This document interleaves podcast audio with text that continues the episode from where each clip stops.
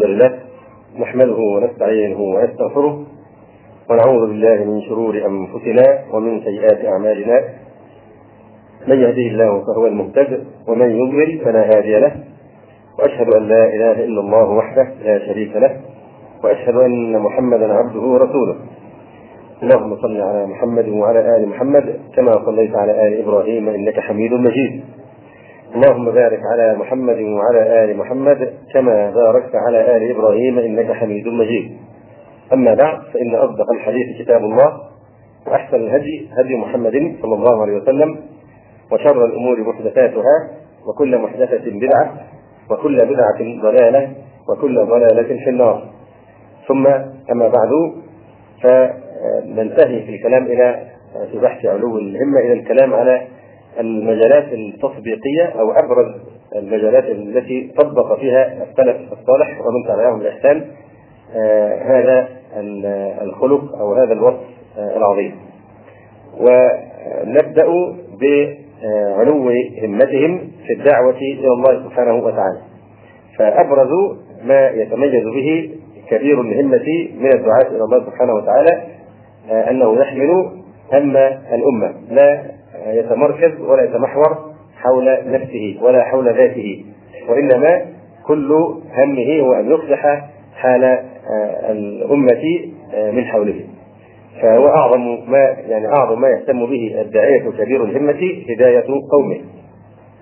وبلوغ الجهد في النصح لهم.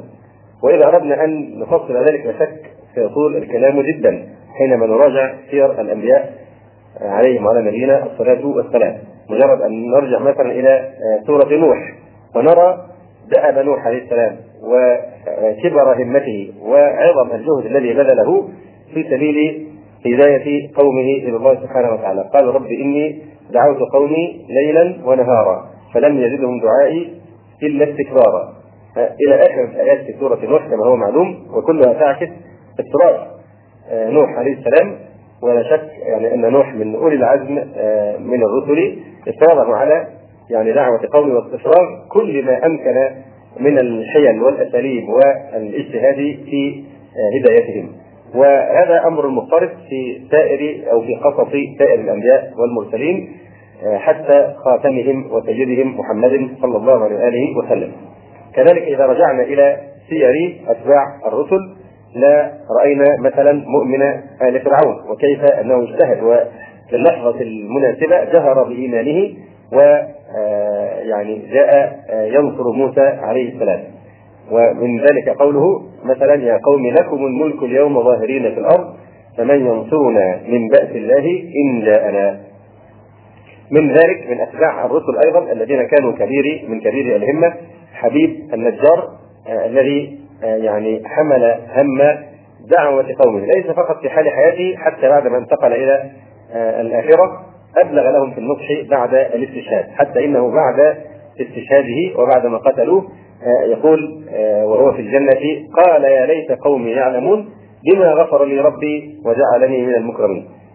حينما يعني قتلوه وأفضى إلى الجنة وإلى رضوان الله سبحانه وتعالى تمنى أن لو اطلعوا على عاقبته. فلا شك أن حسن العاقبة دليل على استقامة المنهج الذي كان يدعوهم إليه وأنه كان على الحق. واضح؟ فحينما ينتقل إلى دار اليقين ويرى ويعاين ما كان يؤمن به غيبا حينئذ تمنى وامتد امتدت أمنيته في هداية قومه حتى بعد استشهاده. يا ليت قومي يعلمون لو هم يعلمون الآن بما أنا فيه لعرفوا أني كنت على الحق ولا اتبعوني يا ليت قومي يعلمون بما غفر لي ربي وجعلني من المكرمين. وإذا تأملت قوائم عظماء رجالات الإسلام من الرائل الأول فمن بعدهم؟ لرأيت أن علو الهمة هو القاسم المشترك بين كل هؤلاء الذين اعتزوا بالإسلام واعتز بهم الإسلام ووقفوا حياتهم لحراسة الملة وخدمة الأمة. سواء كانوا علماء أو دعاء أو مجددين أو مجاهدين أو مربين أو عباد صالحين. لأنهم لو لم يتحلوا بعلو الهمة لما كان لهم أي موضع في قوائم العظماء ولما تربعوا في قلوب أبناء ملتهم ولا تزينت بذكرهم صحائف التاريخ ولا جعل الله لهم لسان صدق في الآخرين. وأسوتهم في حمل هم الأمة بل أسوتهم في كل باب من أبواب الخير هو الصادق المصدوق صلى الله عليه وسلم الذي شارك المسلمين آلامهم وكان في حاجتهم حتى حطمه الناس صلى الله عليه وآله وسلم. فأسوتنا بلا شك في كل خير هو رسول الله صلى الله عليه وسلم. لقد كان لكم في رسول الله أسوة حسنة في كل مجالات الخير. واتبعوه لعلكم تهتدون. قل إن كنتم تحبون الله فاتبعوني يحببكم الله ويغفر لكم ذنوبكم. فكان صلى الله عليه وسلم يحمل هم من حوله آه، ليس فقط في الدعوة ولكن حتى في قضاء حاجتهم ويعني الاستجابة لمطالبهم فعن عبد الله بن شقيق آه، قال قلت لعائشة رضي الله تعالى عنها أكان نبي الله صلى الله عليه وسلم يصلي جالسا؟ قالت بعدما حطمه الناس. يعني صلى جالسا بعدما حطمه الناس. والحقيقة كلمة يعني في قمة التعبير مع وجازتها حطمه الناس. آه، يعني ويقال حطم فلانا آه، أهله يعني إذا كبر فيهم كأنهم بما حملوه من أثقالهم طيروه شيخا محطوما كأنهم من كثرة مسؤوليات أهله وأولاده وذريته. يقال حطموه. حطموه يعني من كثرة ما تحمل أعبائهم وأثقالهم. آه، أفنى كل قوته وكل شبابه في خدمتهم وأداء يعني واجبهم نحوه حتى صار شيخا محكوما آه، فقوله آه، فقولها بعدما حفظه الناس يعني نعم صلى جالسا من شدة الإعياء والزوج أنه بذل كل صحته وكل عافيته وكل قوته في قضاء حاجات الناس والصبر على مشقتهم بعدما حطمه الناس. وهذا رواه الإمام أحمد ومسلم وغيرهما. ومن أمثلة حمل هم الأمة ان لا يكون الإنسان يعني انانيا أو متمركزا ومتمحورا متمحورا حول نفسه فقط لكن يمتد نفعه وبركته إلى من حوله حيث كان. وهذا معنى قوله تعالى في وصف المسيح عليه السلام وجعلني مباركا أينما كنت. حيث ما كان ينتفع الناس به وينتفع المحيطون به آه، به. آه، فمن هذه الأمثلة أيضا قول آه، حذيفة رضي الله تعالى عنه كان الناس يسألون رسول الله صلى الله عليه وسلم عن الخير. وكنت أسأله عن الشر مخافة أن يدركني. إلى آخر آه، الحديث رواه البخاري. فلو أنك راجعت سياق حديث حذيفة رضي الله تعالى عنه لا رأيت أن سياق الحديث يشي بحرص حذيفة رضي الله تعالى عنه على تعميم الانتفاع بالإرشاد النبوي في زمن الفتنة إلى جميع المسلمين من بعده. لأن كان الظاهر من سياق الحديث أن الرسول عليه السلام يخبره عن أشياء تحصل في المستقبل حتى أنه لا يبقى للمسلمين لا جماعة ولا إمام. آه، يعني الأمر الذي لم يحصل حتى الآن لأننا آه، لن نصل إلى مرحلة أنه لا جماعة ولا إمام. لكن توجد جماعة وهي جماعات أهل السنة والجماعة الذين يلتزمون المنهج الصحيح آه، والعقيدة الصحيحة وهم متفرقون في شتى أنواع الأرض. لكن لا توجد الإيه؟ الإمامة الجانب الكيان السياسي أو الخلافة الإسلامية غير قائمة الآن. لكن يوجد الجماعة. يعني هو يحدث عن عصر اسوء مما نحن عليه الآن. حيث لا جماعة ولا إمام. واضح؟ وتحقق الغربة بكل يعني معانيها. فالشاهد أن حذيفة لما سأل الرسول عليه السلام الحوار نفسه تجد أن حذيفة يحمل هم همنا نحن وهم كل من يأتي بعده. يريد أن يسأل ويستفضل ويحاور الرسول عليه السلام من أجل أن يعني إيه ينفعنا نحن. هو يريد أن ينفعنا فهذا من علو همته في آه، نفع الأمة ودعوته. آه، لأنه قال آه، يا رسول الله إنا كنا في جاهلية وشر فجاءنا الله بهذا الخير.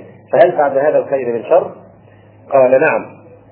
قلت فهل بعد ذلك الشر من خير؟ قال نعم وفيه دخن قلت وما دخنوا انظر إلى الاتصال وما دخنوا قال قوم يهدون بغير هدي ويستنون بغير سنتي تعرف منهم وتنكر. قلت فهل بعد ذلك فهل بعد ذلك الخير من شر؟ قال نعم. دعاة على أبواب جهنم. من أجابهم إليها قذفوه فيها. قلت صفهم لنا. فقال هم من جلدتنا ويتكلمون بألسنتنا. آه قلت آه فما آه فما تنصحني آه، أن أن أو فما تأمرني أن أفعل إن أدركني ذلك؟ يعني ذلك الزمان. قال تلزم جماعة المسلمين وإمامهم. قلت فإن لم يكن لهم جماعة ولا إمام. قال فاعتزل تلك الفرق كلها ولو أن تعض بأصل شجرة حتى يدركك الموت وأنت على ذلك. الشاهد من الحوار أن حذيفة كان يحمل هم المسلمين من بعده في العصور القادمة. وإن كان الظاهر أنه يسأل نفسه لكن هذا الاستفصال والمراجعه واضح. إنما هو من أجل أن يهدي من بعده كيف المخرج من الفتن التي آه، تأتي. كيف استنكر النبي صلى الله عليه وسلم ذلك الرجل الأعرابي الذي آه، أتى وبال في المسجد فأراد الصحابة أن يعني يقعوا به ويشتكوا به. فقال له النبي آه، فقال لهم النبي صلى الله عليه وسلم لا تجرموه يعني لا تقطعوا عليه بولته فترك حتى فرغ ثم أمر بذنوب من ماء فأريق على أو تجري من ماء فأريق على بول الأعرابي. ثم قال للصحابة رضي الله عنهم إنما بعثتم ميسرين ولم تبعثوا معسرين يعني أعجب ذلك الأعرابي بمسلك النبي صلى الله عليه وسلم معه وعبر عن ذلك الإعجاب في انه دعا بتلك الدعوة دعا الله سبحانه وتعالى فقال اللهم ارحمني ومحمدا ولا ترحم معنا أحدا. اللهم ارحمني ومحمدا ولا ترحم معنا أحدا. فأنكر عليه النبي صلى الله عليه وسلم وقال له لقد حجرت واسعا. فبلا شك هذا من الاهتمام بأمر الأمة من مظاهر هذا الاهتمام الذي علمنا إياه رسول الله صلى الله عليه وسلم. قوله من استغفر للمؤمنين والمؤمنات كتب الله له بكل مؤمن ومؤمنة حسنة. من استغفر للمؤمنين والمؤمنات. آه، وهذا الحقيقة من يعني المطالب العالية التي لا يفصل لها كثير من الناس.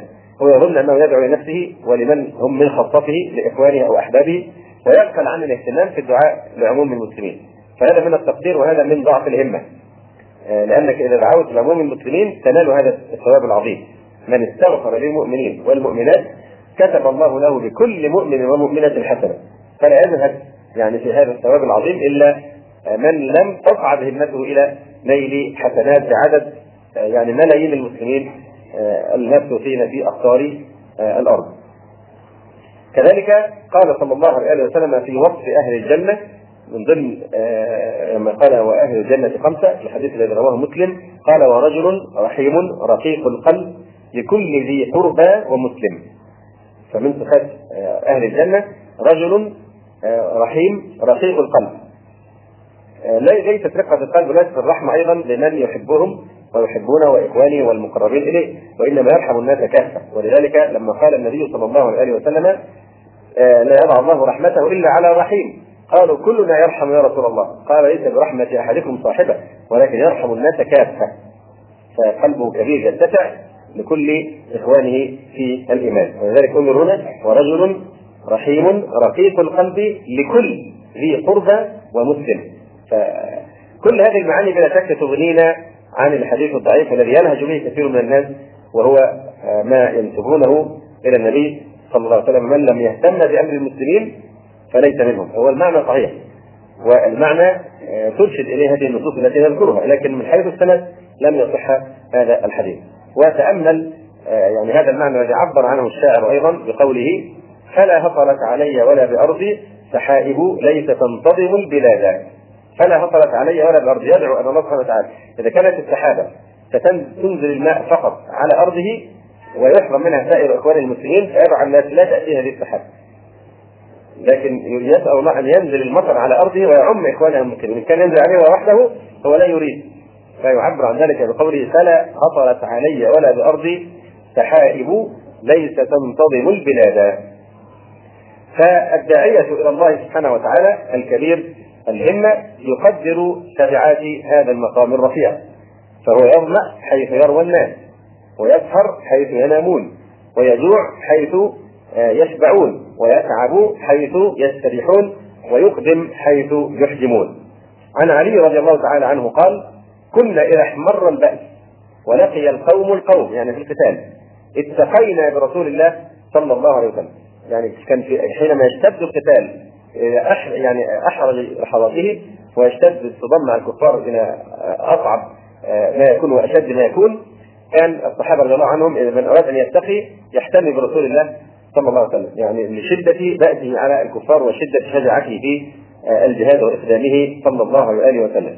فما يكون منا أحد أدنى من القوم منه لا يكون واحد من الصحابة أقرب إلى الأعداء يبارزهم من رسول الله صلى الله عليه وآله وسلم. وعن البراء رضي الله تعالى عنه قال كنا والله إذا احمر البأس نتقي به صلى الله عليه وسلم.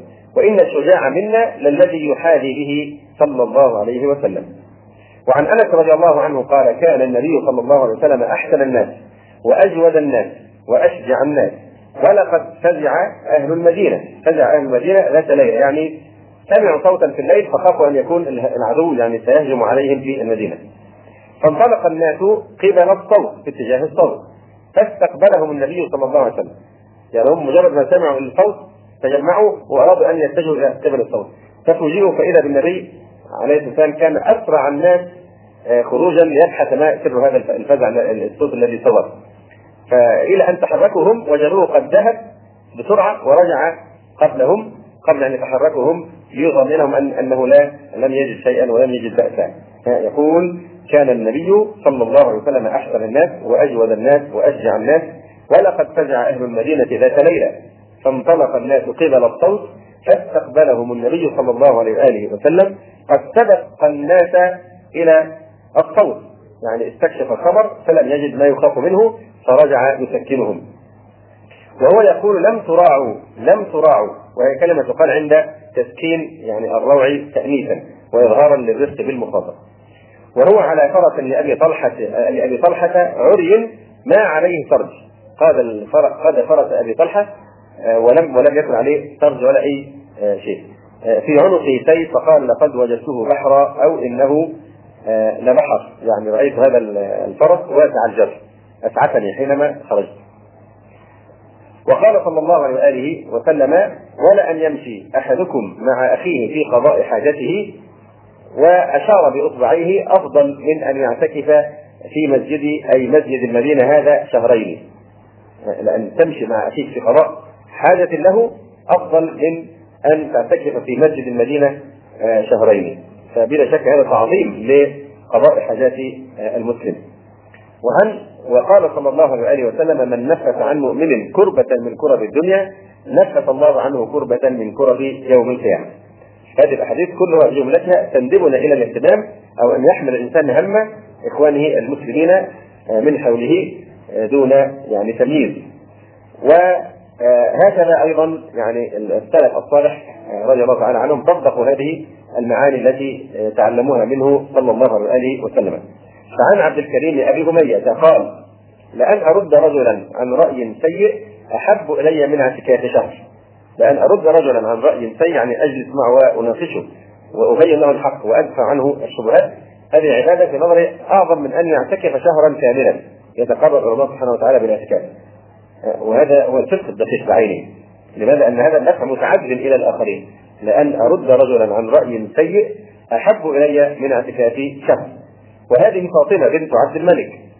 تصف زوجها أمير المؤمنين عمر بن عبد العزيز رحمه الله تعالى فتقول كان قد فرغ للمسلمين نفسه. عمر بن عبد العزيز كان قد فرغ للمسلمين نفسه. ولأمورهم ذهنا فكان إذا أمسى مساء لم يفرغ فيه من حوائج يومه وصل يومه بليلته إذا دخل عليه الليل ولم يكفي النهار آه، لقضاء حاجات الناس فكان يصل الليل آه، بالنهار سهرا في قضاء حاجات المسلمين.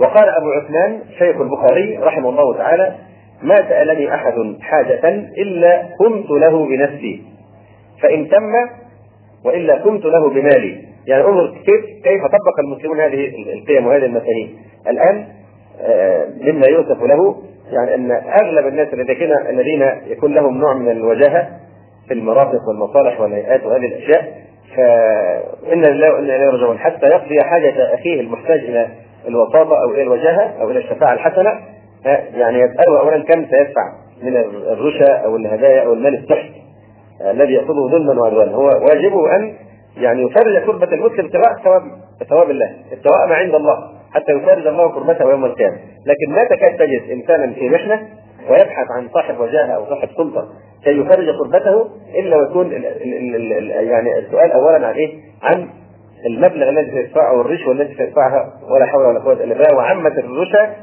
آه، بصورة يعني يعني لا يتصور انسان أن هؤلاء الذين ينتسبون الاسلام يؤمنون بقول النبي صلى الله عليه وسلم لعن الله الراشي والمرتشي والرائش. لعنه طرد من رحمه الله سبحانه وتعالى. ومع ذلك صارت كانها حق مقنن والذي يأتي بالواسطة أو يأتي بالرشوة أو بالهدية أو سمها أو ما شئت آه، هو الذي تقضى حاجته. أما من لا يعني يبذل فإنهم يعني آه، يحرمون من قضاء حاجاتهم. وقد يكون أشد حاجة من غيره. ولذلك يعني يقول بعض الشعراء في مثل هذا المعنى آه، في معاتبه رجل رفض أن يدفع الرشا وهذه الهدايا التحف فعزلوه عزلوك لما قلت ما أعطي عزلوك لما قلت ما أعطي وولوا من بذل أوما علمت بأن ما حرف يكف عن العمل ما إذا التحقت ب بإن وأخواتها فإنها إيه؟ بتكف عن العمل ده كلام جماعة بتوع النحو بتوع الإعراب ها؟ آه فهو يعني يلغز يعني بهذا المعنى في هذا الموطن. عزلوك لما قلت ما أعطي فكلمة ما هي السبب في في تعطيلك. كما تعطل إيه؟ إن وأخواتها عزلوك لما قلت ما أعطي وولوا من بذل. أوما علمت بأن ما حرف يكف عن العمل؟ حرف يكف عن العمل. فبالمناسبة وإن كنت أنا أستطرد وأخرج من الموضوع أنا ما أنصح أحدا أبدا حينما يسأل ويقال له من واسطتك؟ فيقول الله سبحانه وتعالى. لأن الله سبحانه وتعالى يتوسل إليه ولا يتوسل به كواسطة هؤلاء الذين يسألون هذه الأسئلة أو يأخذون الرشا ولا يتقون الله إذا قلت له الله فإنه يمسك بكلمة يكفر بها. فأنت مطالب إذا كنت ستذكر إنسانا بالله. آه إذا كان كنت تعلم أنه أو تتوقع ويغلب على ظنك أنك إذا ذكرته بالله يسب أو يصدر منه ما يكفر به فحينئذ لا تذكره بالله. إذا كان واحد في حالة من الغضب معروف عنه عنه التفاهة وضعف الدين ورقة العقل فتقول له اتق الله. إذا كنت تعلم أن من خلق أنه يسب الله أو يسب الدين فلا تذكره بالله. في هذه الحالة. لماذا؟ من هذا الناس تسد الذرائع إلى هذا الكفر العظيم؟ فلذلك إذا كنت تأنس أن هذا الرجل أنه لا يتقي الله فلا تقل له يعني إذا قال لك من وصفتك لا تقل الله. لأنكم تعرفون الجواب الذي يصدر عن كثير من الناس والعياذ بالله ويخرجون به من الإسلام. والعياذ بالله. فلا لا تفتح له ذريعة إلى الكفر. واضح؟ كي لا ينطق بالكلام الخطير الذي ينطق به هؤلاء آه، السفهاء. فالشاهد أن هذه أخلاق الإسلام وهذا هو رحم الإسلام الذي يربط جميع المسلمين. فالإنسان حينما إذا كان له وجاهة أو يستطيع أن يعين أخاه سواء كان مديرا أو صاحب في هيئة أو صاحب مال أو أو أي شيء من هذا أو وجاهة يبذل أو يزكي عن هذه الوجاهة وعن هذا المال وعن هذه النعمة التي خولها الله إياها بأن يقضي حاجات الناس ولا في ظلم لاحد ولا في تضييع يعني فرص يستحقها من هو أولى منه لكن يقضي حاجات الناس رجل مثلا يبحث عن عمل يبحث عن عمل معناه يعني يتحرى الحلال يريد فرصة عمل لكي يتكسب من الحلال ماذا سيفعل؟ فإذا أتاك كي تعينه على يعني البحث عن فرصة عمل واجبك آه، وحق أخيك المسلم عليك أن تبذل كل ما تستطيع من إمكانياتك حتى تقضي حاجته. واضح؟ فالشاهد نحن مطالبون أن نذكر كل من ينتسب للإسلام بهذا الكلام. كي نخف هذه المحنة التي شاعت وعمت وطمت حتى صار يعني صار هؤلاء يعني مثل مكنة الجبسي موجودة منتشرة في خارج مصر أكثر. تديها الفلوس تشتغل تخرج لك النتيجة لا تعطيها لا تخرج. الله المستعان.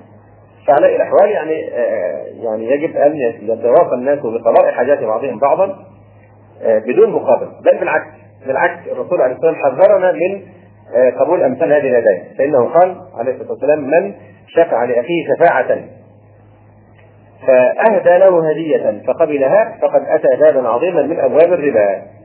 بالعكس إذا كنت أنت شفعت للرجل ويريد بعد ذلك أن يعطيك هدية لو قبلتها فقد أتيت بابا عظيما من أبواب الربا مع أنك لم تطلب منه. واضح؟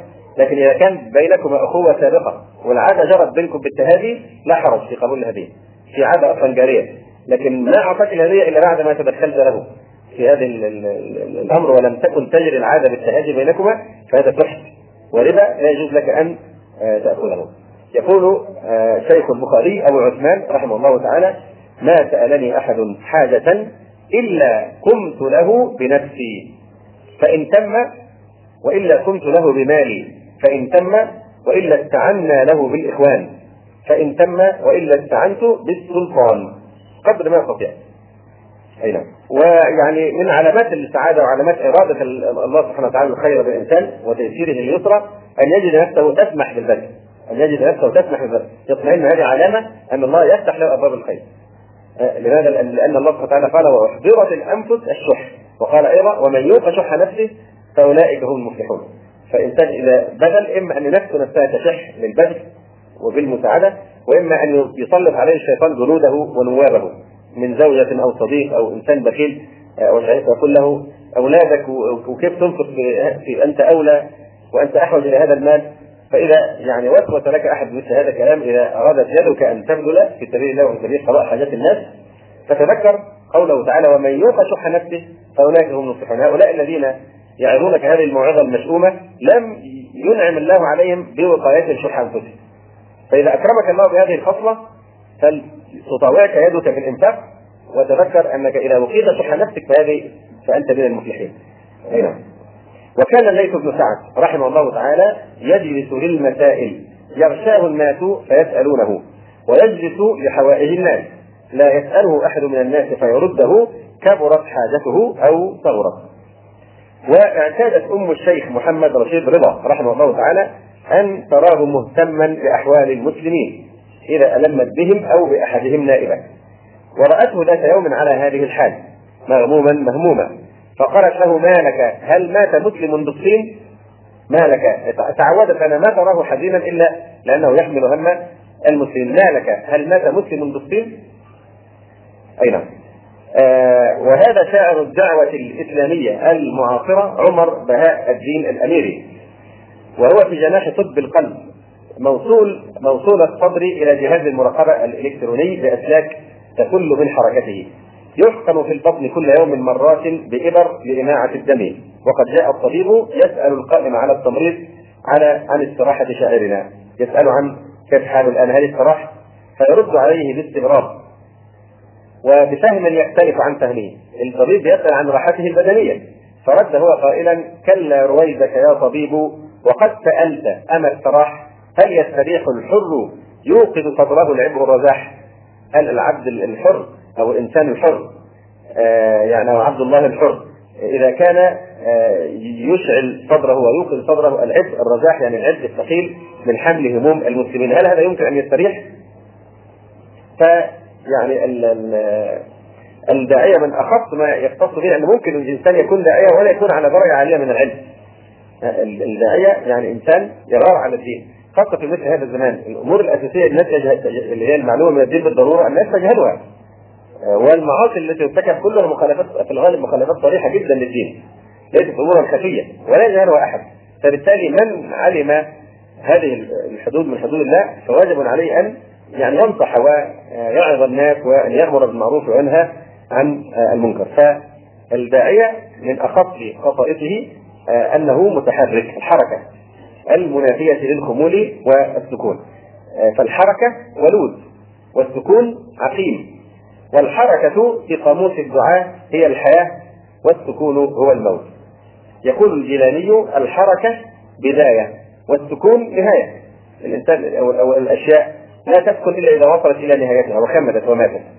لكن الحركة تكون بداية لما بعدها تلد ما بعدها. والحركة هي الحد الفاصل بين عهد الرخاوة وبين عهد حمل الأمانة بعزم وحزم ووفاء. بالحركة انتصر المسلمون الأوائل مثل شعاع الشمس في أقطار الأرض يفتحون البلاد ويفتحون قلوب العباد ويدعون إلى التوحيد ويحطمون الطواغيت ويقودون الناس إلى الجنة. وبالحركة صاروا في ظلمات الحياة سراجا وهاجا فإذا الباطل رماد بعد التهاب وخمود بعد حركة. يقول الشاعر معبرا أن الحركة آه، شيء هو الشيء الأصل في في من يحقق معنى كلمة التوحيد، التوحيد عبارة عن نفي وإثبات، إيجاب وسلب، لا إله إلا الله، لا إله نفي وسلب، إلا الله آه، يعني إيجاب وإثبات. أنه لا يستحق أن يفرض بالعبادة إلا الله سبحانه وتعالى. فيعني يريد أن يعبر عن أن لا يمكن أن يتصور من يقول لا إله إلا الله ويفهمها حق فهمها إلا وفعلت في هذه الكلمة فعل الكهرباء في الآلة حين تحركها وتدفعها وتعطيها الطاقة. يقول الشاعر إنما التوحيد إيجاب وسلب. لا فهما خطأ لا وإلا يعني لا إله إلا الله. لا وإلا قوة قاهرة لها في القلب أو في النفس فعل الكهرباء. يعني كما أن الكهرباء تأتي من الموجب والسالب. الموجب والسالب يولدان طاقة كهربائية تتحرك الجسم أو الآلة. فكذلك كلمة التوحيد عبارة عن موجب وسالب. لا وإلا. لا السالب وإلا الله للإثبات الموجب. فهما اللذان يحركان القلب حينما يتقدان ويعني يخرجان هذه الطاقة. هذا الإمام الشافعي رحمه الله تعالى يصور عشقه الحركة وبغضه الجمود والكسل فيمثل السكون بالماء الذي يتوقف عن الجريان فيفسد الماء إذا توقف عن الجري فسد. ولذلك نهى الرسول عليه السلام عن البول في الماء الراكد أما الذي يجري فإنه يتجدد. ويجزم الإمام الشافعي بأن الأسد الأسد قد تتعرض للهلاك لو لم تتحرك باحثة عن فريستها. وكذلك السهام لولا تحركها من الكنانة إلى الحسي ومن الحسي إلى الهدف ما أصابه يقول الشافعي رحمه الله تعالى إني رأيت وقوف الماء يفسده. إن ساح طاب وإن لم يجر لم يطب والأز لولا فراق الأرض ما افترست والسهم لولا فراق القوس لم تصب والشمس لو وقفت في الفلك دائمة لملها الناس من عجل ومن عربي. وهذا الشاعر الإسلامي وليد الأعظمي يهيب بالداعية أن يتحرك ويحرك الآخرين مبتدئا بعشيرته الأقربين. فيقول كن مشعلا في جنح ليل حالك يهدي الأنام إلى الهدى ويبين وانشط لدينك لا تكن متكاسلا واعمل على تحريك ما هو ساكن. وابدأ بأهلك إن دعوت فإنهم أولى الورى بالنصح منك وأكمل. والله يأمر بالعشيرة أولا والأمر من بعد العشيرة هين. وهذا آه القرضاوي يجادل الخاملين ويحاج الخاملين ويوبخ الهاملين. آه يقول قالوا السعادة في السكون وفي الخمول وفي الخمود. في العيش بين الأهل لا عيش المهاجر والطريد في المشي خلف الركب في دعة وفي خطو وإيد في أن تقول كما يقال فلا اعتراض ولا ردود في أن تسير مع القطيع وأن تقاد ولا تقود في أن تصيح لكل وال عاش عهدكم المجيد. قلت الحياة هي التحرك لا السكون ولا الهمود وهي الجهاد وهل يجاهد من تعلق بالقعود؟ وهي التلذذ بالمتاعب لا التلذذ بالرقود هي أن تذود عن الحياض وأي حر لا يذود. هي أن تحس بكن بأن كأس الذل من ماء صديد هي أن تعيش خليفة في الأرض شأنك أن تسود وتقول لا ونعم إذا ما شئت في بصر حديد. هذه الحركة التي نتكلم عنها هي في الحقيقة عبارة عن يعني عملية قيامة وبعث لروح الإنسان ولنفس الإنسان. نوع من القيامة كما أن القيامة والبعث والنشور فيها إحياء. للمواتي وبعث للحياة والحركة من جديد. فكذلك حركة الداعية عبارة عن قيامة وبعث للروح. هذه القيامة أو هذا المصطلح ليس يعني من كيسنا وإنما هو من القرآن الكريم. يقول تعالى في بداية إرسال النبي صلى الله عليه وسلم إلى الأمة لأنه لأنه نبئ عليه السلام بقوله يا أيها المزمل قم الليل إلا قليلا. وأرسل بقوله يا أيها المدثر قم فأنذر. ففي هذه الآية التي هي التي يعني انتقل بها النبي صلى الله عليه وسلم من النبوة إلى الرسالة.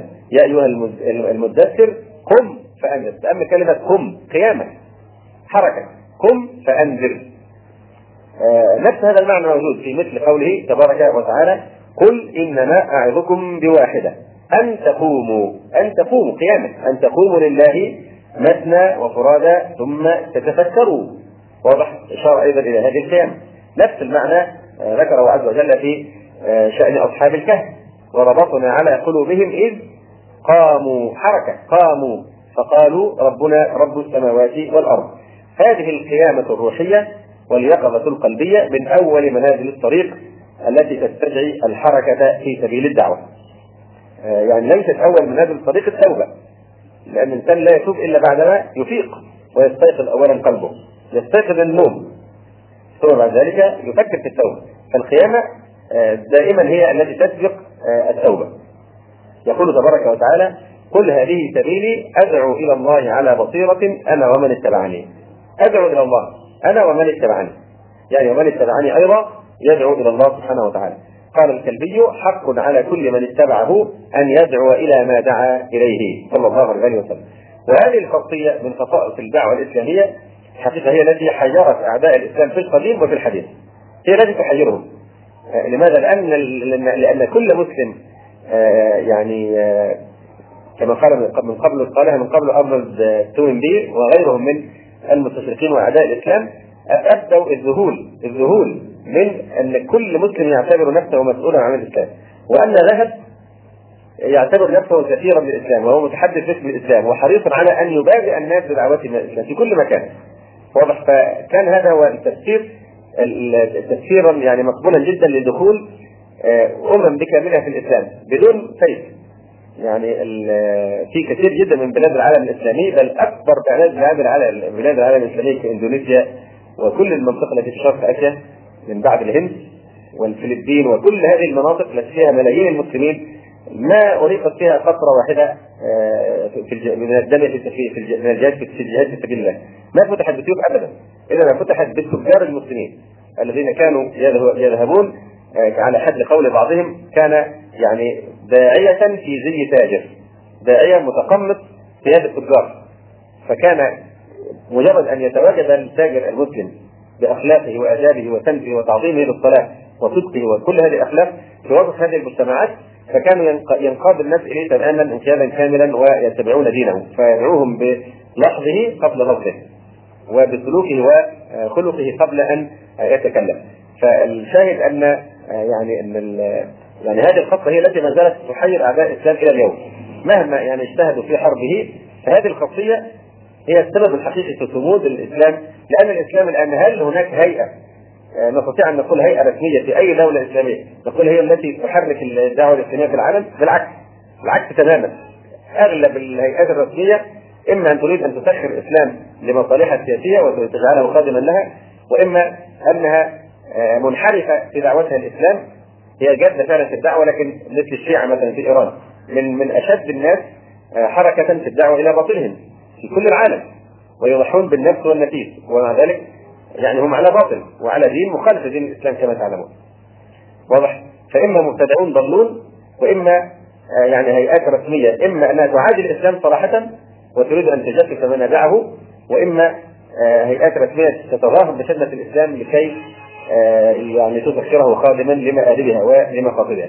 لكن الحقيقة من الذي يقوم بالدور الفعلي للدعوة إلى الإسلام في كل أرجاء الأرض؟ هي جهود هؤلاء الدعاة الذين هم لا أقول أسماء مشهور أو شخصيات معنا كل مسلم يتحرك حتى نجد أحيانا نجد الشخص يكون فاسقا ومقصرا في دينه ومع ذلك تجده يفرح جدا إذا رأى كافرا مثلا يدخل في الإسلام. ويضحي بما يستطيع أن يسلمون ذلك مثلا لو رجل نصراني أسلم. انظر اشد الناس حماسا في مساعدة من يكون.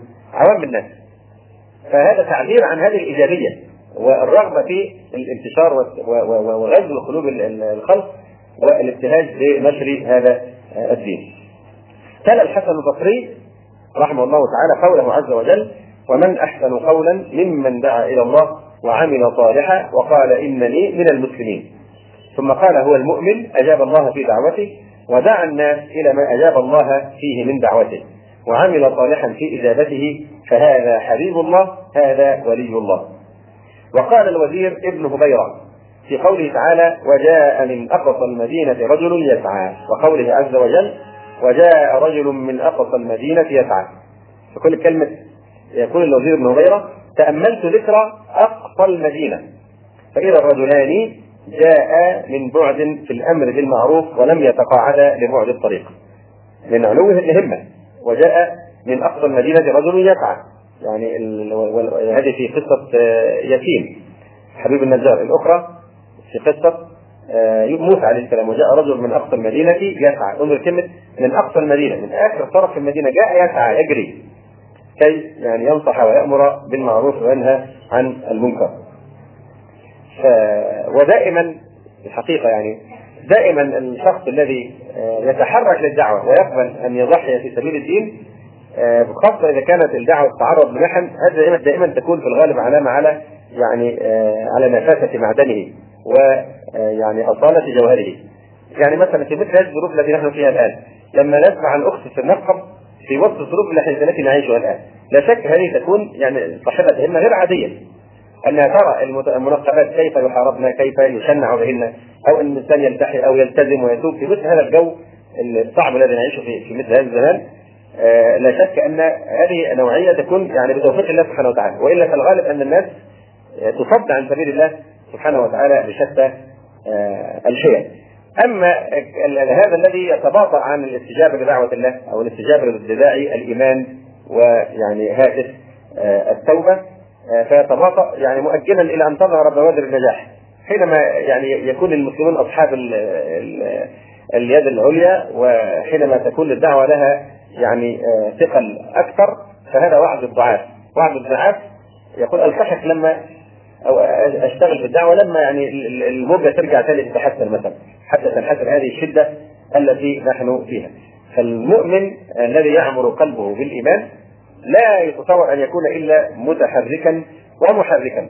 أما المتباطئ الذي يعد بالالتحاق بعدما تظهر بوادر النجاح فإنما يعد وعد الضعاف يقول الشاعر صاح ما الحر من يثور على الظلم وقد ثارت لحقها الأقوام إنما الحر من يسير إلى الظلم فيفنيه والأنام نيام يعني يبادر. فلا ينبغي على الإنسان أن يؤجل الانضواء إلى أو تحت لواء الحق وإلا فإنه يعض سن الندم.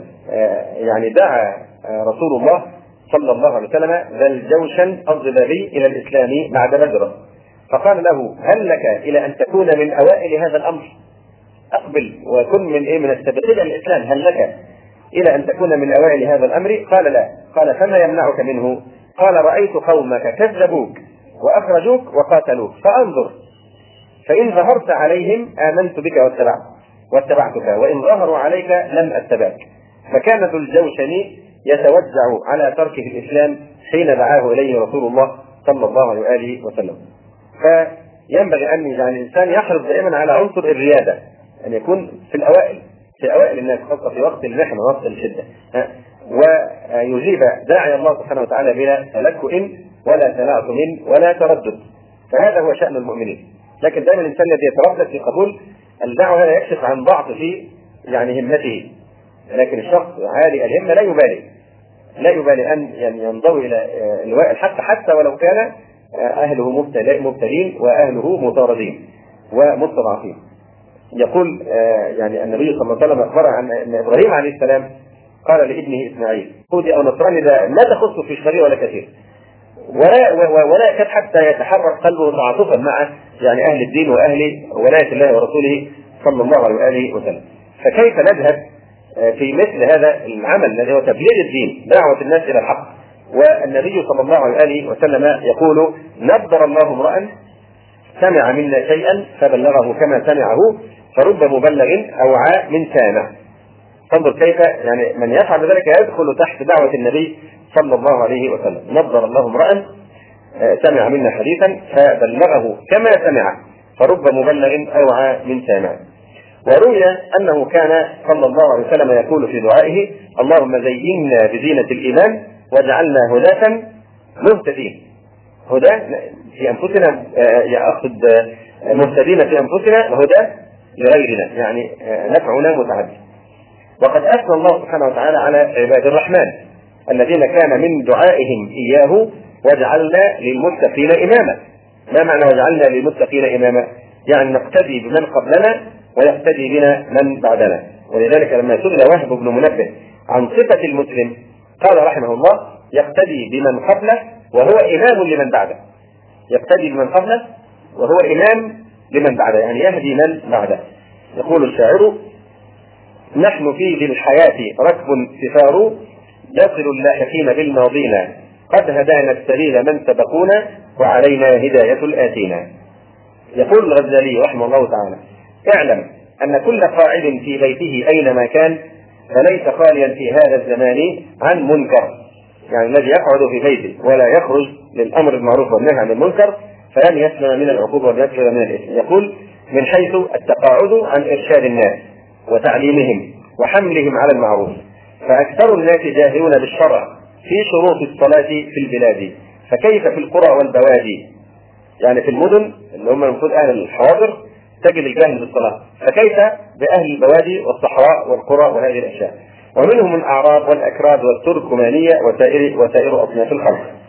يقول الغزالي رحمه الله وواجب أن يكون في كل مسجد ومحلة من البلد فقيه يعلم الناس دينهم وكذا في كل قرية وواجب على كل فقيه فرغ من فرض عينه وتفرغ لفرض الكفاية أن يخرج إلى ما يجاور بلده من أهل السواد ومن العرب والاكراد وغيرهم ويعلمهم دينهم وفرائض شرعهم.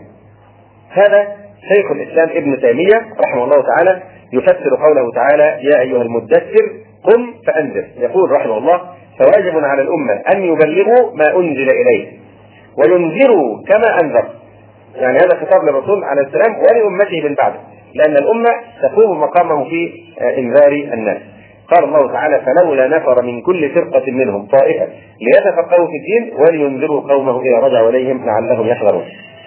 والجن لما سمعوا القرآن بمجرد أن سمعوا القرآن ولوا إلى قومهم منذرين. هذا تلميذه الإمام المحقق ابن قيم الجوزية رحمه الله تعالى يقول: وتبليغ سنته صلى الله عليه وسلم إلى الأمة أفضل من تبليغ السهام إلى نحور العدو. لأن تبليغ السهام يفعله كثير من الناس وأما تبليغ السنن فلا يقوم به إلا ورثة الأنبياء وخلفاؤهم في أممهم جعلنا الله تعالى منهم بمنه وكرمه. طبعا الان في هذا الزمان لا يعني لا تبليغ سهام إلى نحور العدو ولا يعني تبليغ سنن رسول الله صلى الله عليه وسلم فالله المستعان. كما ذكرنا من قبل في تعريف الهمة قلنا إن ثناء الهمة في مجدال الكمال الممكن. يعني عالي اما دائما يطلب يبذل أقصى وسع فيه وينشد الكمال الممكن كمال الممكن أقصى ما تصل لطاقته من الكمال فمن أراد المنزلة العليا من الجنة فعليه أن يكون في المنزلة القصوى في هذه الحياة الدنيا واحدة بواحدة ولكل سلعة ثمن إذا ما على المرء رام العلا ويقنع بالدون من كان دونه ليست هذه المنزلة العليا في الدنيا، يعني ما دمت تريد منزلة عليا في الآخرة لابد أن تتبوأ منزلة عليا في الدنيا. ما هي المنزلة العليا في الدنيا؟ أن تكون وزيرا، أن تكون تاجرا، أن تكون مليونيرا. أعلى منزلة وأشرف وظيفة على الإطلاق يمكن أن يمارسها إنسان في هذه الدنيا هي وظيفة الدعوة إلى الله سبحانه وتعالى، لماذا؟ لأن هذه وظيفة الأنبياء. فلا شك أنها أشرف وظيفة يقوم بها إنسان على وجه الأرض. فلماذا؟ لأنها وراثة وظائف النبوة التي ليس أشرف منها إلا منزلة النبوة نفسها وهذا الإمام أبو الفرج ابن الجوزي رحمه الله تعالى ينادي كل مسلم من بعده يقول ابن الجوزي رحمه الله تعالى يقول ألست تبغي القرب منه؟ ألست تبغي القرب من الله سبحانه وتعالى؟ ألست تبغي القرب منه؟ فاشتغل بدلالة عباده عليه. فهي حالات الأنبياء عليهم الصلاة والسلام. أما علمت أنهم آثروا تعليم الخلق على قنوات التعبد لعلمهم أن ذلك اثروا عند حبيبهم سبحانه وتعالى. ثم قال وهل كان شغل الأنبياء إلا معاناة الخلق وحثهم على الخير ونهيهم عن الشر ثم يقارن الإمام ابن الجوزي رحمه الله تعالى بين الشجعان الذين يخالطون الناس ويدعونهم إلى الخير ويصبرون على اذيتهم وبين المتخاذلين المعتزلين القاعدين عن الدعوة إلى الله سبحانه وتعالى. يقول الإمام ابن الجوزي الزهاد يعني المعتزلون الزهاد في مقام الخفافيش يعني اثروا المكان المظلم اعتزلوا في المكان المظلم كالخفافيش الزهاد في مقام الخفافيش قد دفنوا أنفسهم بالعزلة عن نفع الناس.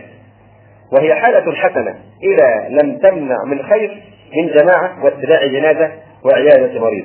إلا أنها حالة الجبناء فأما الشجعان فهم يتعلمون ويعلمون. وهذه مقامات الأنبياء عليهم السلام. كما يعني الإنسان يعني كم يتقطر قلبه إذا فزع الإخوة مثلا واحد من حفاظ القرآن فتح الله سبحانه وتعالى عليه. نريد أن نحفظ القرآن.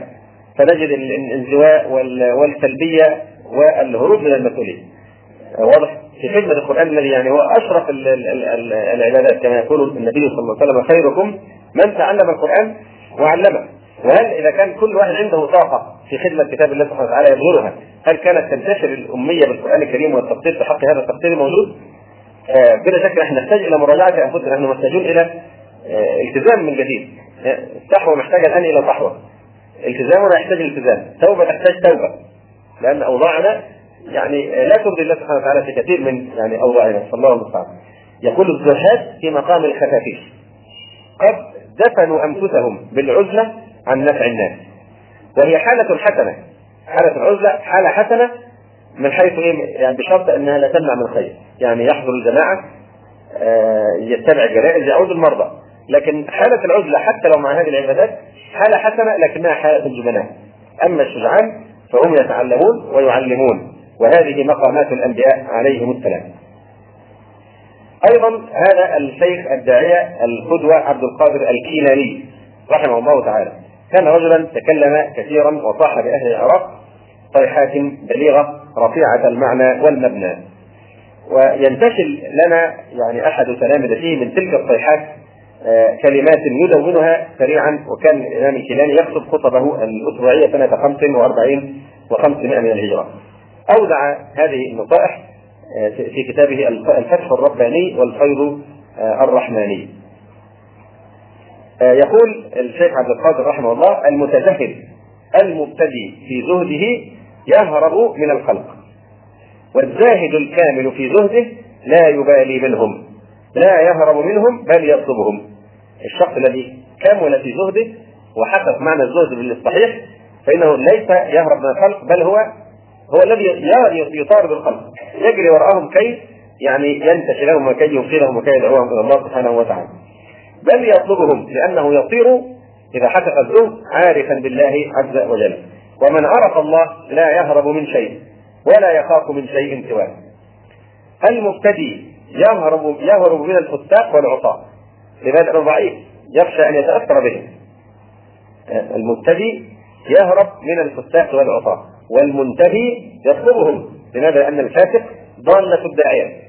لأن الداعية إذا ظل حديثا بين آه، جماعات الصالحين إذا هذا يعني يشبه تحصيل الحاصل.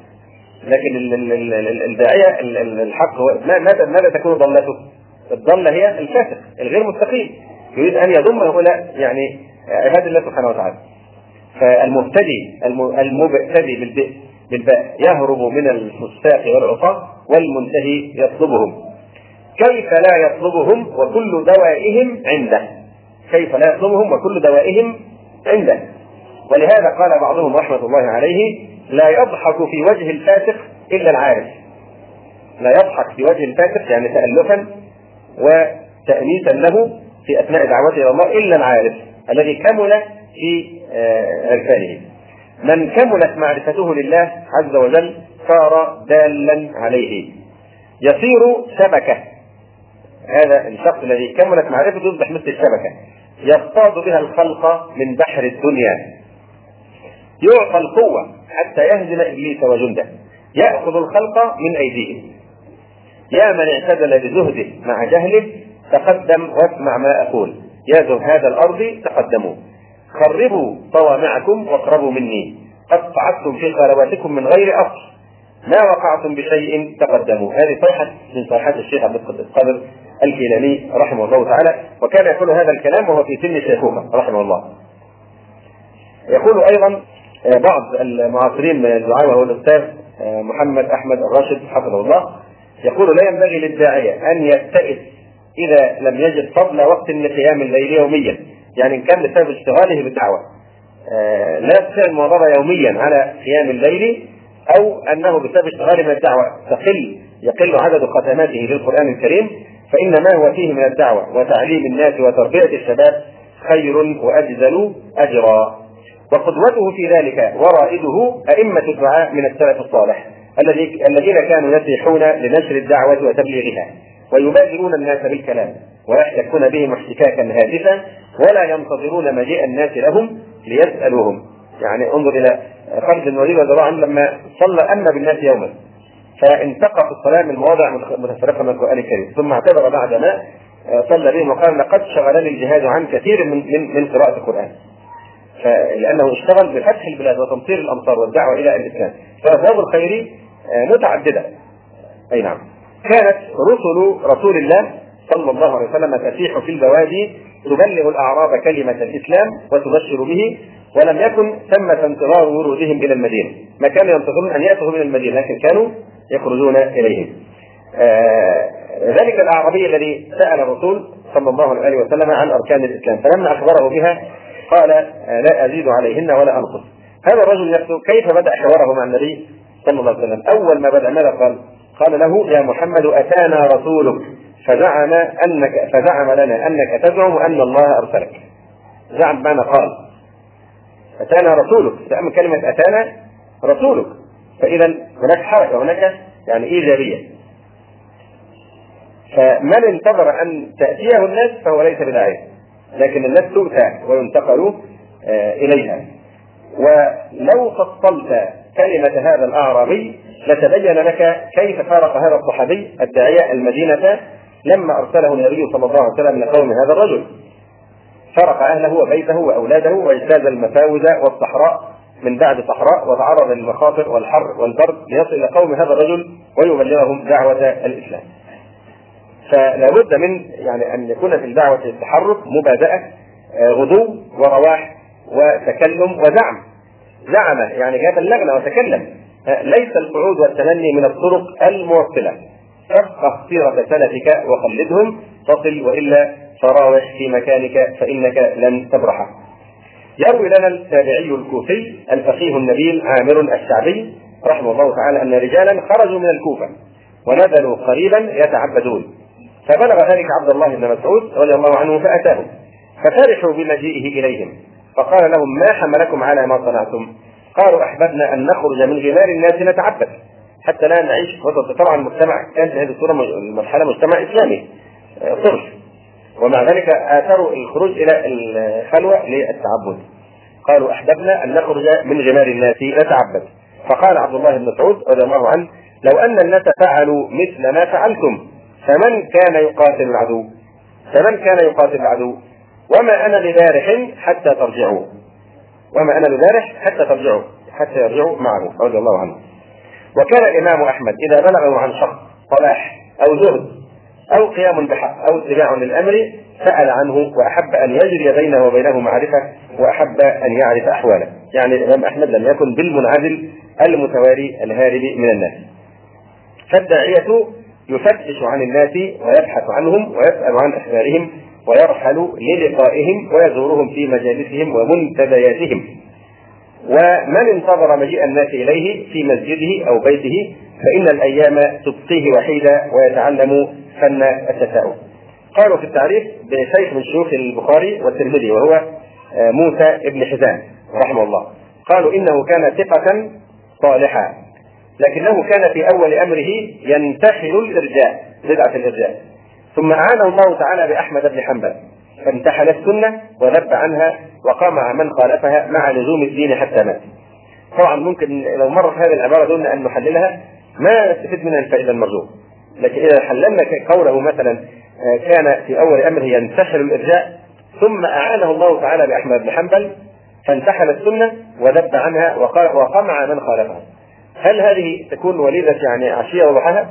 أم أن رجل مثل هذا الرجل كان متعمقا في بدعة الإرجاء منتحلا إياها غابا عنها لا شك أن حصلت جلسات متعددة مع الإمام أحمد يحاوره ويهديه ويبين له ويزيل الشبهة ويناقشه الحاحا في دعوته فكان أن خرج هذا الرجل الإمام الذي لم يكتفي بانتحال السنة وتصحيح عقيدته ولكن أيضا دافع عن السنة وكان يعني سيفا يقمع البدع وأهلها. أما صور يعني ونماذج من يعني حركة السلف وحرصهم على هداية الخلق إلى الله سبحانه وتعالى فيعني هي كثيرة نجتزئ منها بهذه النماذج فعن جعفر ابن سليمان قال سمعت مالك بن دينار رحمه الله تعالى يقول لو استطعت ألا أنام لو استطعت ألا أنام لم أنم مخافه أن ينزل العذاب وأنا نائم ولو وجدت أعوانا لفرقتهم ينادون في سائر الدنيا كلها. أي يا أيها الناس النار النار. يقول لو وجدت أعوانا يطيعونني لنشرتهم في كل أقطار الأرض في كل شارع وكل مدينة وكل حي. يصرخون في الناس يقول النار النار يعني احذروا النار واتقوا النار وأعملوا للنجاة من النار. وعن إبراهيم بن أشعث قال كنا إذا خرجنا مع الفضيل في جنازة لا يزال يعظ ويذكر ويبكي حتى لكأنه يودع أصحابه ذاهب إلى الآخرة حتى يبلغ المقابر. فيجلس فكأنه بين الموتى. جلس من الحزن والبكاء حتى يقوم ولكأنه رجع من الآخرة يخبر عنها. وعن الشجاع بن الوليد قال كنت أخرج مع سفيان الثوري فما يكاد لسانه يفتر عن الأمر بالمعروف والنهي عن المنكر ذاهبا وراجعا. هذا الإمام الزهري. والزهري لا نقول في تعريفه أكثر من أنه الإمام الزهري رحمه الله تعالى. لم يكتفي بتربية أجيال وتخريج أئمة في في فن الحديث بل كان بغالب إمامته في الحديث وفي العلم كان ينزل بنفسه إلى الأعراب يعلمهم كان يذهب إلى البوادي ليعلم الأعراب أمر دينهم. وكان الفقيه الواعظ أحمد الغزالي شقيق أبي حامد الغزالي رحمهم الله كان يدخل القرى والضياع ويعظ لأهل البوادي تقربا إلى الله سبحانه وتعالى. يعني الإنسان يمكن أن يستحضر يعني مثل هذه النية. تخرج في سبيل الله. يعني كما يعني جاء الحديث في فضل من يغدو من من بيته في الصباح يخرج لوجه الله سبحانه وتعالى. يعني لا يمنعك أن تخرج من بيتك مثلا بنية أنك تنزل هذه المرة لا لشراء الخبز والفاكهة والخضروات أو الذهب للعمل أو للطبيب أو غير ذلك. من مصالحك وحاجياتك. اخرج مرة انزل البيت بنية أنك تهدي ضالا إلى الله سبحانه وتعالى، ما الذي يمنعك من هذا؟ هل لا يوجد ضالون في بلادنا أو في مدينتنا؟ بل هم كثيرون الشباب التائه الضائع الضال الآن يملأ النوافذ والطرقات ما الذي يمنعك أن تخرج من البيت بهذه النية؟ افعل هذا تقرب الله سبحانه وتعالى هذا أعظم بكثير جدا من قيام الليل وقيام النهار أن تأخذ بناصيته إلى الله سبحانه وتعالى كل ما تعمله من اعمال صالحه بسبب دعوتك إياه سيكون في ميزانك أنت. وأي واحد يعني منا إذا يعني رجع بذاكرته إلى الوراء لوجد أن الله سبحانه وتعالى إنما من عليه بنعمة الهداية على يد واحد من هؤلاء الذين كان عندهم هذه الهمة وتحرك ليدعوك أنت نفسك إلى الحق فكان منه هذا الخير الذي تعيش فيه الآن. فلماذا لا ترد الجميل إلى غيرك وتنال أيضا يعني ثوابه؟ فما الذي يمنع كل واحد منا الآن؟ يعني أن لا يمر الأسبوع القادم مثلا دون أن ينزل من البيت بليل إنه خارج هذه المرة يبحث عن شاب ينصحه واقف في الطريق في أي وضع من الأوضاع ويستوقفه وينصحه برفق وتمام يهديه شريطا يهديه كتابا يهديه نصيحة. واضح. فلا شك أن أن بهذا يعني نذوق طعم طعم هذه العبادة. هذا خروج في سبيل الله بمعنى بمعنى صحيح. يعني تخرج من بيتك بنية دعوة ضال أو هداية فاسق. ما الذي يمنعه؟ المقاهي ما شاء الله وإنا لله بل, بل إنا لله. يعني عامرة. المقاهي عامرة بهؤلاء الفارغين النوافي مكتظة بالشباب التافه الضال الضائع. ربما فيهم كثير جدا من من الشباب الذي فيهم خير لكن لم يترك تمه حتى الآن كلمة موعظة. واضح؟ فلماذا لا تكون أنت الذي يجري على يدك هذا الخير؟ آه هذا الإمام آه أبو إسحاق الفزاري رحمه الله تعالى. كان رجل عامه وهو الذي أدب أهل الثغور الإسلامية التي في أعالي بلاد الشام والجزيرة تجاه الروم. وعلمهم سنن النبي صلى الله عليه وسلم وكان يأمر وينهى وإذا دخل الثغر رجل مبتدع أخرجه. المدينة التي كان يمكث فيها. إذا دخلها رجل مبتدع طرده من البلد. ما يسمح لمبتدع أن يعيش معه في بلده واحدة. وأما الشيخ الزاهد الفقيه محمد بن أحمد الدلاهي فقد لازم العبادة والعمل الدائب والجد واستغرق أوقاته في الخير صلب في الدين ينصح الإخوان وإذا رآه إنسان عرف الجد في وجهه وعلى الفتى لطباعه سمة تلوح على جبينه. أما الإمام الجليل الخرقي صاحب كتاب المختصر في مذهب الإمام أحمد بن حنبل رحمه الله تعالى فقد قال الإمام ابن قدامة في أثناء ترجمته في مقدمة المغني قال وسمعت من يذكر أن سبب موته سبب موت هذا الإمام الفقيه الجليل الإمام أبي القاسم الخرقي رحمه الله تعالى أنه أنكر منكرا بدمشق فضرب فكان موته بذلك أنكر منكرا بدمشق فضرب فكان موته بذلك. أيوه. وكان من ضمن صفاته أنه لما ظهر سب الصحابة في مدينة بغداد تركه وقال ما أعيش في بلد يسب فيها الصحابة. من نماذج حرصهم أيضا على تعليم الناس العلم الشريف ما رواه جعفر بن برقان قال كتب إلينا عمر بن عبد العزيز وقال في كتابه ومر أهل الفقه من جندك فلينشروا ما علمه الله في مساجدهم ومجالسهم والسلام. وهذا أحد أسرار الحركة التجديدية آه، التي قادها عمر بن عبد العزيز رحمه الله تعالى. آه، انظر كيف ماذا يقول. مر آه، أهل الفقه من جندك فلينشروا ما علمه الله في مساجدهم ومجالسهم والسلام. وعن عثمان بن عطاء عن أبيه قال إن أوثق عملي في نفسي نشري العلم. أفضل عمل أرجو أو أطمع أن يصيبنا الله عنه سبحانه وتعالى هو أن أنشر العلم. وعطاء ابن أبي رباح هو مفتي مكة. مفتي مكة القائل لأن أرى في بيتي شيطانا خير من أن أرى فيه وسادة لأنها تدعو إلى النوم. فهو حسرته على يعني أحوالنا وأوضاعنا. نحن ما نقول إن نحن نصل لهذا المستوى أن الإنسان يعني يفضل أن يرى في بيت شيطانا عن أن يرى فيه وسادة. لكن نقول يعني حتى ساعة لربك آه، لنفسك. نحن كل كل همنا متجه إلى تعمير الدنيا والانشغال آه، الفناء في حب الدنيا فناء آه، ما لنا هم إلا الدنيا. فانظر إلى عطاء بن أبي رباح. رحمه الله تعالى يقول لأن أرى في بيتي شيطانا خير من أن أرى فيه وسادة لأنها تدعو إلى النوم. وقال الإمام ربيعة الرأي رحمه الله تعالى لا ينبغي لأحد عنده شيء من العلم أن يضيع نفسه. لا ينبغي لأحد عنده شيء من العلم أن يضيع نفسه. اختلف العلماء آه، في معنى هذه العبارة. لا ينبغي لأحد عنده شيء من العلم أن يضيع نفسه. بعضهم قال يعني آه آه، بعضهم قال يعني ينبغي أن يعرض نفسه لموضع لا يليق به يعني فيه إهانة أو احتقار لقدره.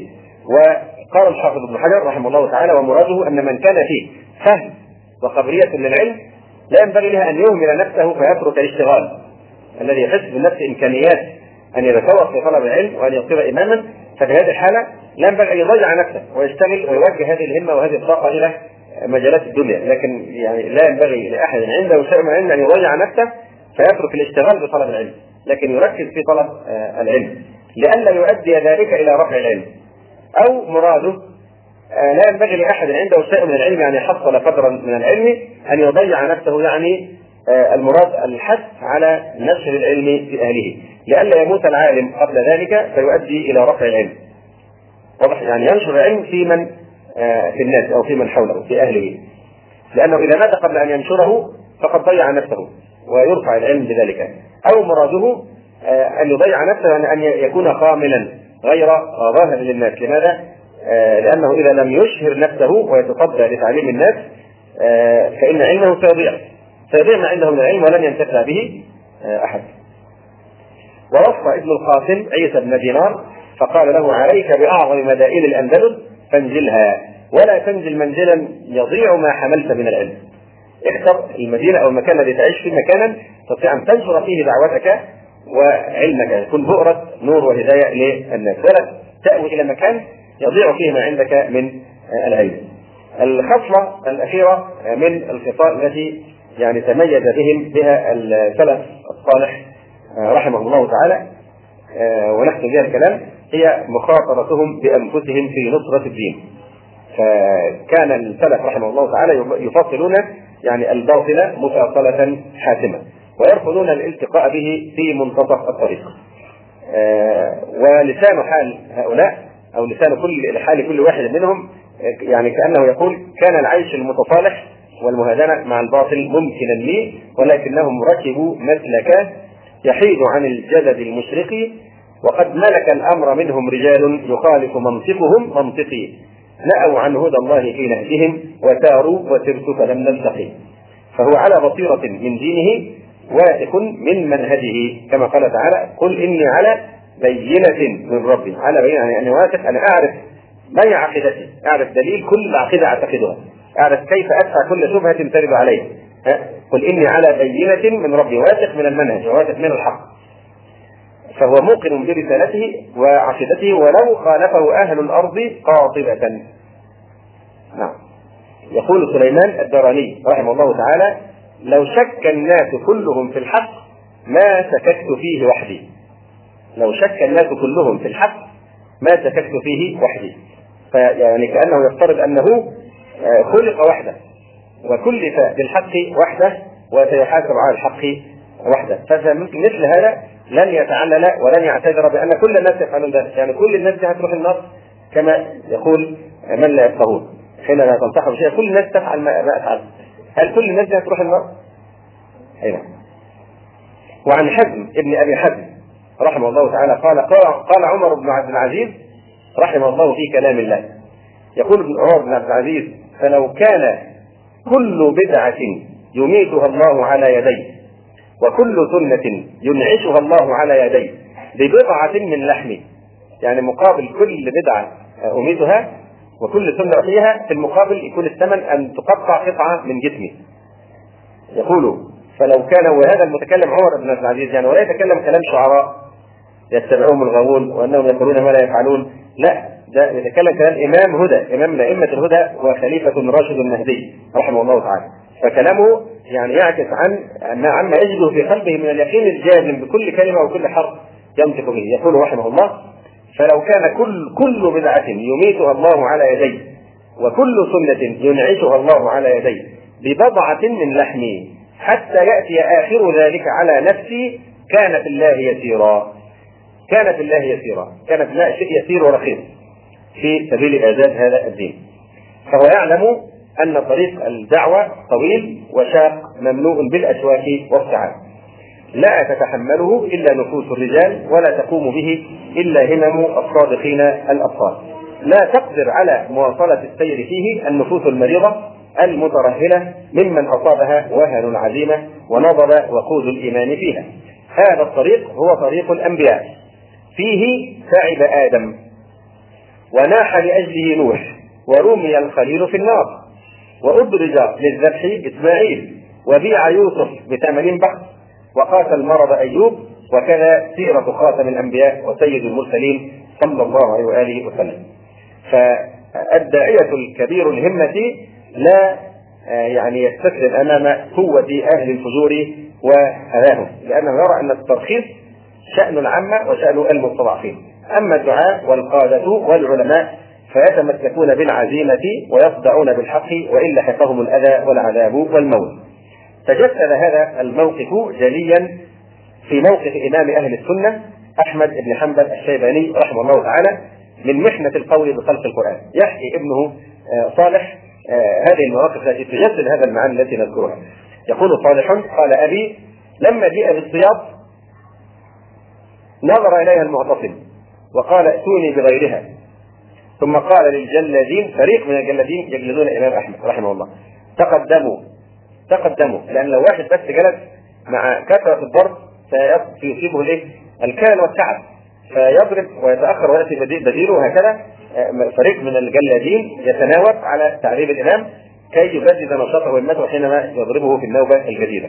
يقول ثم قال للجلادين تقدموا فجعل يتقدم إلي الرجل منهم فيضربني صوتين. فيقول له شد قطع الله يدك. المعتصم يحث الجلاد يقول له شد يعني اضرب بأقصى قوة قطع الله يدك. ثم يتنحى ويقوم الآخر فيضربني صوتين وهو يقول في كل ذلك شد قطع الله يدك. فلما ضربت تسعة عشر صوتا قام إلي يعني المعتصم وقال يا أحمد على ما تقتل نفسك؟ إني والله عليك لشفيق. قال فجعل عجيف ينخسني بقائمة سيفه. يضربه ويلغزه بقائمة السيف. وقال أتريد أن تغلب هؤلاء كلهم؟ تريد تغلب المعتصم وتغلب الجلادين وتغلب كل من يخالفوك من هؤلاء الذين أمامك؟ أتريد أن تغلب هؤلاء كلهم؟ وجعل بعضهم يقول ويلك الخليفة المنافقين وأصحاب البخور ويلك الخليفة على رأسك قائم. الخليفة واقف تعبان بيحثك على أن ترجع عن مذهبك. ويلك الخليفة على رأسك قائم. وقال بعض هؤلاء أيضا أصحاب البخور المنافقين الدجالين قال بعضهم يا أمير المؤمنين دمه في عنقي اقتله. يا أمير المؤمنين دمه في عنقي اقتله. يعني الواحد منا إذا أهين بسبب التزامه الآن في, هذه الغربة التي نعيشها يعني آه يعني آه يعني آه قد يوجد في بعض البلاد احترام شديد جدا للمتدين المتدين في بعض البلاد ما زال طبعا خارج مصر المحروسة يعني يحترم لأنه متدين أو إذا كان طالب علم يعامل بمنتهى الاحترام ويعطى يعني هذا أما الآن فإن التدين هو سبب محنة في الغالب لمن يلتزم بطاعة الله سبحانه وتعالى. فلا تنتظر أن يعني تفرش لك الأرض بالورود ولا تنتظر أن يعني آه، تعطى حقك لأنك مستقيم على طاعة الله سبحانه وتعالى. بل انتظر العكس. وإذا آه، وقعت في شيء من ذلك سخريه الأطفال في الطرقات. فلان الإرهابي بيذكروا اسماء الجماعه اللي بياتوا في المسلسلات آه، التي تحارب الدين. فيقولون فلان الإرهابي فلان القاتل فلان الذي يفعل كذا. واضح أو أخت محجبة تنال نفس هذا الأذى. فقارن نفسك في الامام أحمد. ببساطة قارن نفسك بالإمام أحمد رحمه الله وانظر كيف اهين وكيف أولي لكن كانت العاقبة كما وعد الله للتقوى والعاقبة للمتقين. أي نعم. فالإمام أحمد وهو الإمام أحمد انظر كيف يعني يعني يجتمع عليه هؤلاء المبتدعون والمنافقون فبعضهم يقول ويلك الخليفة على رأسك قائم. والآخر يقول يا أمير المؤمنين دمه في عنقي اقتله. وبعضهم يقول يا أمير المؤمنين أنت صائم وأنت في الشمس قائم. أنت صائم وأنت في الشمس قائم. فقال لي ويحك يا أحمد ما تقول؟ فأقول أعطوني شيئا من كتاب الله أو سنة رسول الله صلى الله عليه وسلم أقول به. فرجع وجلس وقال لي جلاد تقدم وأوجع قطع الله يدك. ثم قام الثانية فجعل يقول ويحك يا أحمد أجبني. فجعلوا يقبلون يقبلون علي ويقولون يا أحمد إمامك على رأسك قائم. وجعل عبد الرحمن يقول من صنع من أصحابك في هذا الأمر ما تصنع؟ وجعل المعتصم يقول ويحك أجبني إلى شيء لك فيه أدنى فرج؟ حتى أطلق عنك بيدي يعني حتى عرض. اذكر تعريض في الكلام حتى أخرج عنك بيدي. فقلت يا أمير المؤمنين أعطوني شيئا من كتاب الله. فيرجع وقال للجلادين تقدموا. فجعل الجلاد يتقدم ويضربني صوتين ويتنحى. وهو في خلال ذلك يقول شد قطع الله يدك. أنا أتذكر يعني شيء آه، حصل في أحد المعتقلات. فكان آه، رجل تقريبا اتاخذ في رجلين يعني لبناني إما لبناني أو سوري يعني لهجته. الناس يعذب أحد الشباب تعذيبا شديدا. وهذا الرجل أيضا من نفس هذه الزمرة يقول له وهو آه، يعني يضرب الأخ باشد اللي يقول له آه، يقول له كل شوية كل ما يقول له الله يعطيك العافية. يعني فيعني هم يتكررون الحقيقة في كل زمان. يعني الله يعطيك العافية يعني عشان تضرب أكثر هنا آه فجعل المعتصم يقول ويحك اجبني إلى شيء لك فيه أدنى فرج حتى أطلق عنك بيدي. فقلت يا أمير المؤمنين أعطوني شيئا من كتاب الله. فيرجع. وقال للجلادين تقدموا. فجعل الجلاد يتقدم ويضربني صوتين ويتنحى وهو في خلال ذلك يقول شد قطع الله يدك. قال أبي فذهب عقلي أغمي على الإمام. رحمه الله. فذهب عقلي فأفقت بعد ذلك فإذا الأقياد قد أطلقت عني. فقال لي رجل ممن حضر إنا كببناك على وجهك لما أغني أغني عليه كببناك على وجهك وطرحنا على ظهرك بارية ودسناك وظلوا يدوسون بأرجلهم على جسد الإمام أحمد وهو ملقى على وجهه رحمه الله. قال أبي فما شعرت بذلك؟ وأتوني بسويق فقال لي فقالوا لي اشرب وتقيأ من شدة الإعياء والجهد الذي حصل بالإمام رحمه الله تعالى. أتوه بهذا السويق نوع من الحساء. قال له اشرب وتقيأ فقلت لا أفطر. كان الإمام صائما رحمه الله. كل هذا العذاب وهو صائم. فقال لا فقلت لا أفطر. ثم جيء بي إلى دار إسحاق بن إبراهيم. فحضرت صلاة الظهر فتقدم ابن سماعة فصلى. فلما انفتل من الصلاة قال لي صليت والدم يسيل في ثوبك. فقلت قد صلى عمر وجرحه يتعب دما. قال صالح ثم خلي عنه فصار إلى منزله وكان مكثه في السجن منذ أخذ وحمل إلى أن ضرب وخلي عنه ثمانية وعشرين شهرا. ولقد أخبرني أحد رجلين اللذين كان معه. قال يا ابن أخي رحمة الله على أبي عبد الله. والله ما رأيت أحدا يشبهه. ولقد جعلت أقول له في وقت ما يوجه إلينا بالطعام. يا أبا عبد الله أنت قائم وأنت في موضع التقية. يعني هذا الرجل كان يحث على أن يأخذ بالتقية وله رخصة. أنت قائم وأنت في موضع التقية. ولقد عطش فقال لصاحب الشراب ناولني فناوله قدحا فيه ماء وثلج. فأخذه ونظر إليه هنيا. ثم رده ولم يشرب. عز عليه أن يقطع صومه ويفوت عليه ثواب الصيام. فرده ولم يشرب. فجعلت أعجب من صبره على الجوع والعطش وهو فيما هو فيه من الهول. وعلق الإمام أبو الفرج ابن الجوزي رحمه الله تعالى على موقف الإمام أحمد رحمه الله قائلا هذا رجل هانت عليه نفسه في الله تعالى فبذلها كما هانت على بلال نفسه. وقد روينا عن سعيد بن المسيب أنه كانت نفسه عليه في الله تعالى أهون من نفس ذباب. هل الذباب حياته لها قيمة؟ في نظر الإنسان حشرة. إذا قتلت ذبابه ذبابه هينه فكذلك سعيد المسيب كان ينظر إلى روحه إذا بذلها في سبيل الله أنها أهون عليه من الذباب. وإنما تهون أنفسهم عليهم لتلمحهم العواقب لأنهم يعرفون الثمر التي سيجنونها بعدما يضحون بانفسهم في سبيل الله.